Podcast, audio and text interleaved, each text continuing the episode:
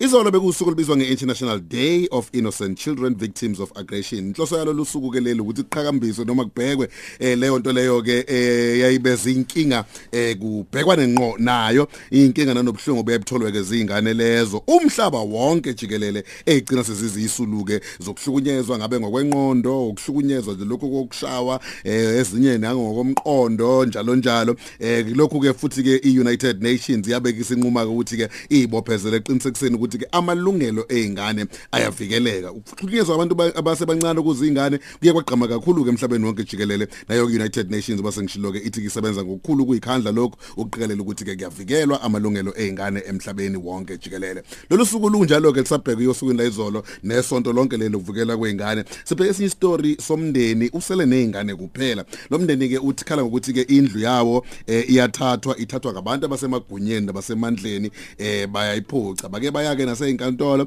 eh kwa iMasters Court yagcina kibekile isinqumo esithi ke indlu le imele ibe ngeyezingane lezo kuyizona eseyisele because izona kuphela eseyisele kodwa kuneyintsolo zokuthi ke umalume uwenza okunye okuhlukile ehlangene nabantu abanamandla kuyo leyo ndawo. Qonda ngcono lo daba samukela unontokozo nene okuyena sisomdala einganeni ezihlala kulendlu. Eh wena kasithenjwa sikubingelele sikwamukele ku cause ekseni Yebo sawubona boss. ninjani? Saphila. Ngisalukhe phezulu nje udaba lwenu uma bengathuni kumlaleli isithombe sokuthi kwenzakalani sifike kanjani la Eh kwakunzima kakhulu futhi kusukela ngo 20 ngo2009 kuqala kwakudayisa lo muzi kuqala. Kuze kuba kufika kubona labantu asebesikhiphe endlini abanamandla kakhulu. Mm. Ngo2010 baqala ngo2010 ke laba abanamandla kakhulu. Kuze kube manje nje bayasikhipha endlini waze washona ke nomkhwenyana. Ukusathi ukuthi umamezala nomkhwenyana babethengela umakoti umuzi. Mm. kuyibona abahamba phambili. Umakoti washona umkhwenyana umakoti wasala wasiqhuba udaba wazasifaka ezinkantolo esikhiphe endlini elibethumela iy'ncwadi nabameli. Eshola ukuthi siyagoloza phuma endlini lakhe bashisa yonke into futhi itayitela engathi masifika lapha itayitela sikubiza umalume lo owadayisa umuzi alisabizi ugogo lo owayemnikazi womuzi osashona Mm. wasuka lapho manje siphezu kwalo nangomhla ka-24 yakhona kuyophula lona lelo case sizobani udumisane emthalane kusukela then nona ngo-2014 futhi kwaze kwafika i-former president afike ubona ngisho umuzi sebewuqhozile ufake amaphepha ngoba kubanda kunjena. Ufake amaphepha. Yavala yabanda ehlaba kuselelwa yinyoka yabaninetha kunjena yabanda sibona umuntu ongaphandle uqhamunayo isele sasho ukuthi sokwenza njani? Ngoba bona banemali ba-right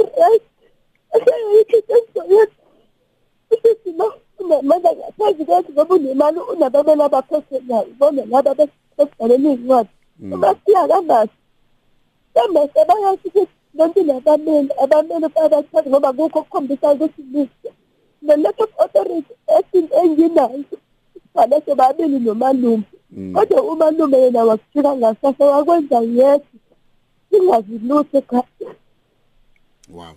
So so so sorry mange ngezwe nanomoya wakho ukuthi uyaphakama kakhulu eh, uma lolu daba lukhulunywa. Ngifuna ukubheka ukuthi ngoba nansi Masters Court eh yayikhiphele yawubeka um- um- um- kwacaca ukuthi indlu ingeyezingane. Kushintshe kanjani ukuthi umalume nalabasebenzisana nabo ngokwensolo eninazo yagcina isi- isibhalwe ngaye? ibo- ibona futhi benza ngasathi njengoba ngithi ukuthi banamandla benza izinto la abazenza ngoba banamandla amakhulu angazi um- ubhuti lo umkhwenyana lo wom- wo- womthengi womuzi osasona Mm. ngimazi ngathi besebenza lapha em- emnyangweni thizeni kamasipala into eyinjalo asazi uma sesisiza ngubuze bebefika nje sebeze bethele incwadi sesinqumela ukuthi lesiphume lesese ukuthi kuzokuthi omakhelwane makunencwadi efikayo siyaphuma sikhale sikhale komakhelwane sithi ayi bosifika la incwadi kanje. Mm. ikhona lo bhukusumisani wakamthalane mhlawumbe sengiyenza kuba uyena futhi esiqhubayo esingongosisayo okay.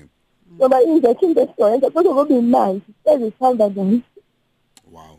Zibhlungu kakhulu izindaba ngiyakuzwa uthi even nomongameli lo waye umongameli umhlonishwa u- u- uZuma wa- waze wagcina eyifikele emathupha lapho kunini? Eh futhi khona agcine kwazile ukuphumelela ukwenza naye. Wagcine ethumeleni biza ngolekhasimeti lakhe kodwa ukutholakala-ke emva kwalokho kwe-2014 after 2014 baphinde baqhubeka bangithumelela iy'ncwadi esho ukuthi fanele siphume. Le ncwadi eyayikhombe enkantolo ngomhla ka-13 May kulo nyaka. Mm okay. Na safike saya-ke ngomhla ka-13 futhi May yahlehlisa icala lafithi umhla ka-24 kuyona le nyanga esiyona anganele ukuthi sekwenze njani?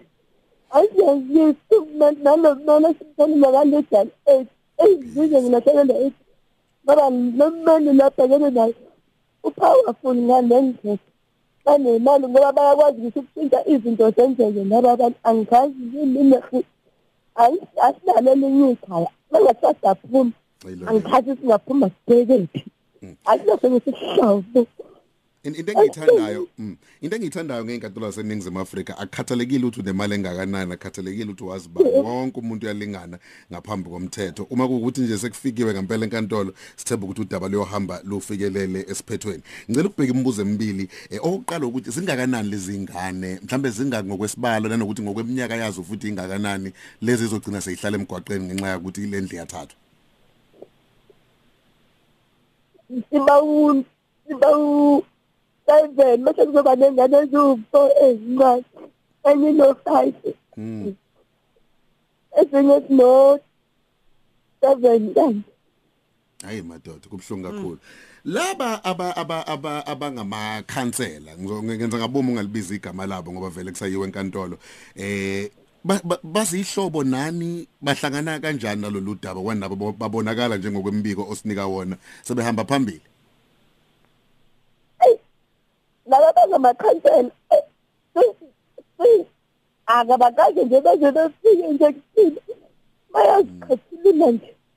Angazi kwenze ngizocabanga nanokuthi mhlawumbe ithina esinenkinga mhlawumbe lo daba leseluyigcina ngoba sekusenze isikhathi eside yeah. Kumesithi siyabika babele bakhatheka legandi eight iyeka legandi eight bathi bathi bathi alulolu daba lalo lufuna abamele abakhokhelayo ngifike ngikhale ngithi njengoba ngisele ngisho ukudla endlini ngithi ngikhokhela ngani lo mmeli okusho ukuthi mina ngiyaphuma endlini ngoba usiza ngikutholi ngiphuma ney'ngane ngihlale emapayipini sekubani ukokwangishiya nomuzi sengenze njani alright sis esizenze sekukude kakhulu ehambe kakhulu ludaba lakho okay u- u- u social development uke nasondelana nabo ziyakwazi ukuthi ithole ukhola lezi ngane isibonelelo sikahulumeni?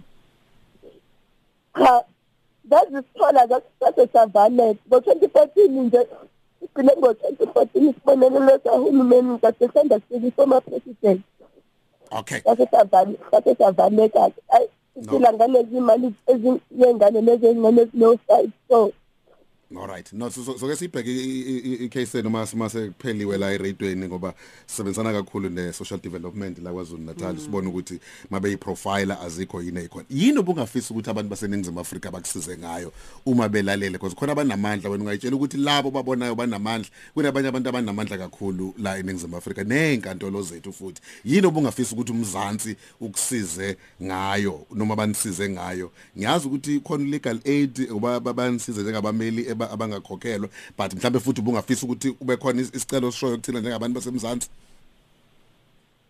sebenzisisa kakhulu futhi.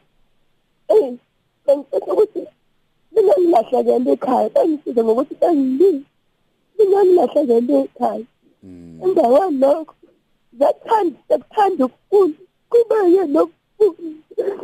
Umsebenzi sivusa ikhaya. Okay. sivusa ikhaya Asim- Asimbali. sivusa ikhaya mfudumele Okay.